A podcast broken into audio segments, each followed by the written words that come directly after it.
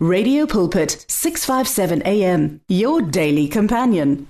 Hello, my name is Pastor Kenny Mukwena and it's time for you to experience the blessing. Father, we just want to thank you so much for this opportunity, you know, to minister your word. I pray, Father God, that your word will penetrate the heart of that one that is listening right now. I pray, my Father, that to touch your people at the point of their need in the name of Jesus Christ. May your word bear fruit in our lives, fruit that will remain. You gave us a promise, Lord, that the word that you sent to us will not return to us void. It will accomplish what you please and prosper in the thing for which you sent it. I give you praise, glory, honor, and majesty in Jesus' name. Amen and amen. So, we started a conversation titled The Reality of Christianity. With this conversation, I am just provoking you to live a supernatural life. We are living at a time where God is pouring his spirit upon his people more than ever before. Listen, when we talk about the fact that Jesus Christ is not coming back to a weak church, he's coming back to a triumphant church because God always causes us to triumph in Christ Jesus. Let me tell you, this is the time more than ever where the church has to be feared. I remember um, in 2020 when covid uh, hit god gave me a message that i set on you know through that entire period of lockdown the rising of the righteous. That's the message that i preached during lockdown. The rising of the righteous to say don't miss this opportunity to reflect who you are as a christian. In fact as christians we thrive under pressure. We thrive under pressure. When challenges come that is the time where we reveal who we truly are in God. And I want you to know that when we talk about the reality of Christianity it's about a consciousness a realization of who you are as a Christian. Listen you are so powerful as a Christian. And I've always I've been saying that you know as a Christian you must you must move away from defining Christianity you know by the fact that you belong to a church you know which is good. I mean I'm a pastor myself members of our church you know they belong to us as a family. But it it beyond that I, I I've been saying that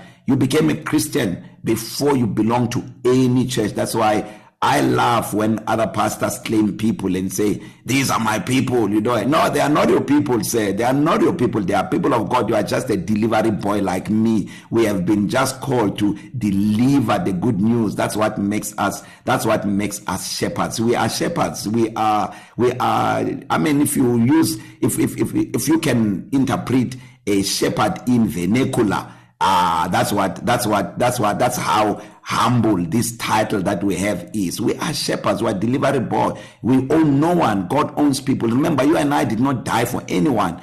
You know you know it's the, it's the lord jesus christ that has died for for for his people. So we we the people that we lead they belong to christ. They belong to him. Look at galatians 3:29 it doesn't say if we belong to blessed generation church or we belong to uh, this church and that church. No it says if you belong to Christ you are a seed of Abraham and you are heirs according to the promise.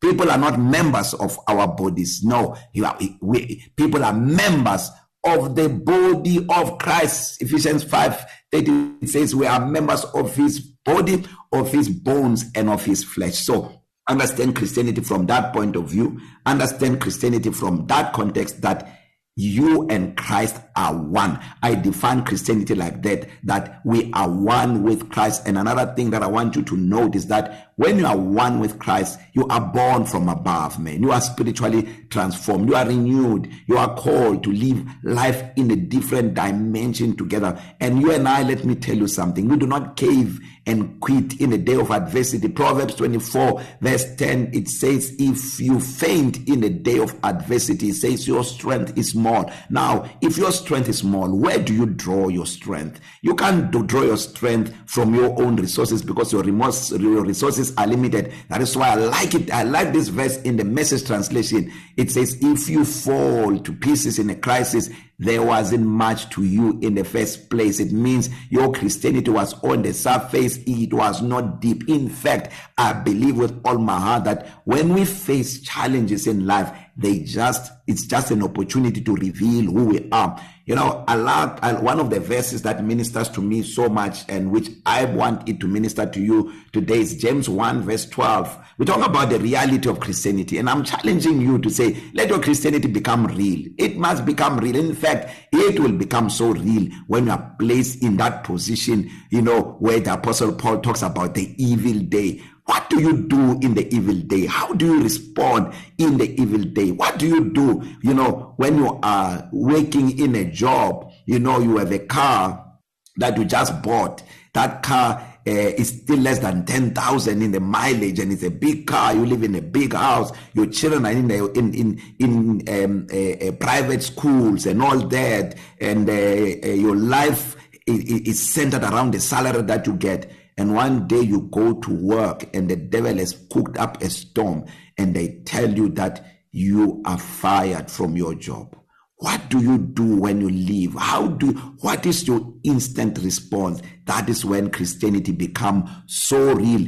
If on that day your christianity does not become real it means it was superficial. It means it was on the surface. Your christianity was never real. Listen your christianity is not real and till you are placed in that position where everything you know in your flesh cannot work. Nobody can help you in the physical. What do you do when you receive a report from a doctor and they tell you that they've they, they've traced cells of cancer in your body and this cancer has spread throughout your body and that you need to go into chemotherapy immediately? What then what plays in your mind? What plays in your mind if the doctor tells you that in fact the way it looks it looks like it has already touched sensitive parts of your body we can't be able to drain it. What do you do? When is your christianity becoming real? Let me read for you a scripture which you must never forget. James chapter 1 verse 12 in the amplified classic edition it says blessed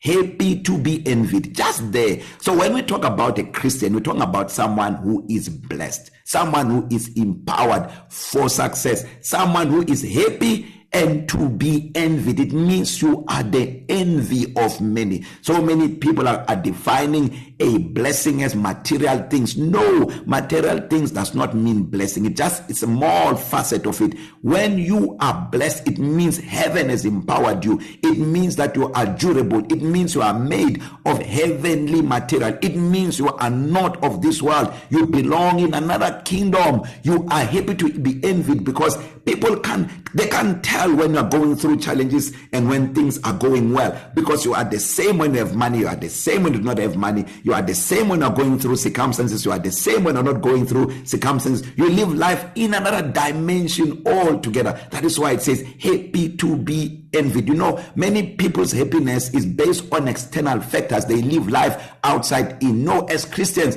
we live life inside out. It means what happened outside us. It depends on what happens in the inside of us. So these verses i like the way it starts because it's going somewhere. It says blessed happy to be envied is the person who is patient under trials and stand up uh, stand up under temptations. It means you are facing trials you are being tempted at every side but you are happy and you are envied. Why? You are the same yesterday today forever. Who does that sound like? Our lord jesus christ. The bible tells us that he is the same yesterday today and forever. And i want to tell you right now that when you are christians you must be happy and be envied. People must want your joy. I mean whether you have money or you do not have money and i pray in the name of jesus christ that you do not get categorized in that category of of people that are poor because jesus christ the bible says that he became poor so that you and i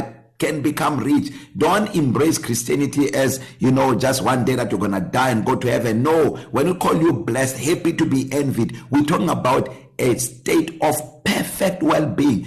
The totality of who God is. When you look at Jesus Christ when he walked on this earth, we have never seen Christ said, never. Even in those times where he demonstrated a certain level of compassion, it was not sadness, it was the love oozing out of him. So if Christ cannot be said, how can I be said? Listen, your Christianity must become real. You must be happy and be envied and walk in a state of total well-being irrespective of what is happening around you then you know your christianity. Then you know the one that you are fashioned after. Then you know that you are made of heavenly material. So this verse james 1 verse 12 says blessed happy to be envied is the man who, who is patient under trials and stand up under temptation. For when he has stood the test and been approved and been approved, he will receive the victor's crown of life which God has promised to those who love him. It means that every test, every temptation is coming to prove the reality of our Christianity. My brother, my sister, your Christianity has to be tested. Your faith must be proved to be genuine because so many people they say they believe, but we we, we check when they are placed in the valley of decisions. When they are placed in the valley of decisions, they have to choose, or the, it's, it's a crossroad. How do you judge? How do you make these decisions? Are you able to discern what God is, where God is leading you? Because some of the places that God leads us, they defy logic. We take left when everyone one is taking right. That's why Jesus talk about the wide gate and the narrow gate. He says narrow is the gate that leads to life. Only a few finds it. Wide and broad is the gate that leads to destruction and there are so many that that finds it. So when you are placed in the valley of decisions, you are going through a lot. You are going through a lot. You are facing, I mean, you are facing a knife. They say you must go for an operation now, and you do not want to go to an, to that operation, and the doctor tell you that it is the only way. Whose report will you believe? Isaiah tell us this in the book of Isaiah 53 verse 1. It says, Who has believed our report? To whom has the Lord revealed his powerful arm? So now I am not by any means saying that you listen to this and you are due for an operation and you presumptuously without faith and say I am not going to go for an operation but you have no faith in the inside of you you will die my brother you will die my sister I tell you Christianity is not a guesswork Christianity is not something that we try out Christianity is Christ living in the inside of us. It is the boldness of the spirit that knows that I know I am not dying here. Me, I know I'm not dying anytime soon. I was born to preach the gospel. This is what I do every day. I'm a lawyer by profession in my work i preach the gospel. My profession and my career is about preaching the gospel. I go to the courtroom meditating on scripture. I open my mouth. The holy spirit begins to speak. My life is a sum total of who christ is and i want to i pattern my life after him.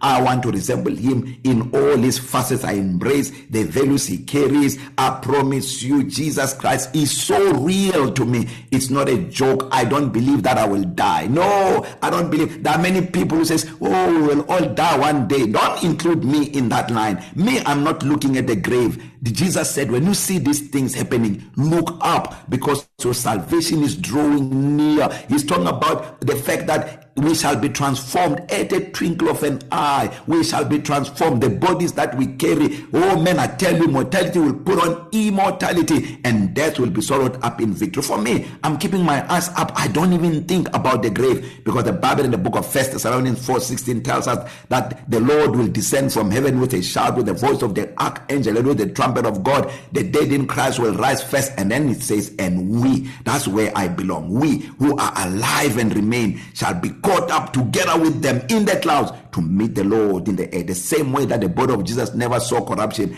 I don't believe that my body will go to the grave. I believe that we are the generation that will see the return of the Lord Jesus Christ. We will be caught up. I'm looking for the rapture of the church. I'm looking to be taken up. And that is how real Christianity is to me. I've run out of time. I hope you are encouraged to take your Christianity to the next level. But I want to pray for you for listening to this and you are not born again. You have not made Jesus the Lord of your life. This is the moment for you to say yes to Jesus. I tell you, when He come into your body, He will impart His Spirit in you and you will live life in the supernatural. When Jesus said I have come that you may have life in abundance to the full until it overflows he was not just talking about inhaling and exhaling. He was talking about living a dominant life a life that reflects God a life where things can't just dictate to you. You dictate how things happen around you. So receive Jesus today died on the cross for you to make you powerful to glorify you. So make this prayer with me. Say Lord Jesus I receive you now as my Lord and my savior. Amen and amen. If you made that prayer you're born again. You're my brother or my sister. I will see you in heaven I want to send you a free salvation material that will guide you on what to do now that you're born again request for it is free by sending me a WhatsApp message on +27660660250 +27660660250 and I will send it to you right away. I love you so much man. Be healed in your body, be cleansed of every infirmity in Jesus mighty name. I love you so much. God bless you and may you experience the goodness of the Lord every moment of every day till we meet again next time. God bless. The words of the Lord are words of life. Your heart is on 657 AM. 657 AM. Radio for believers in action.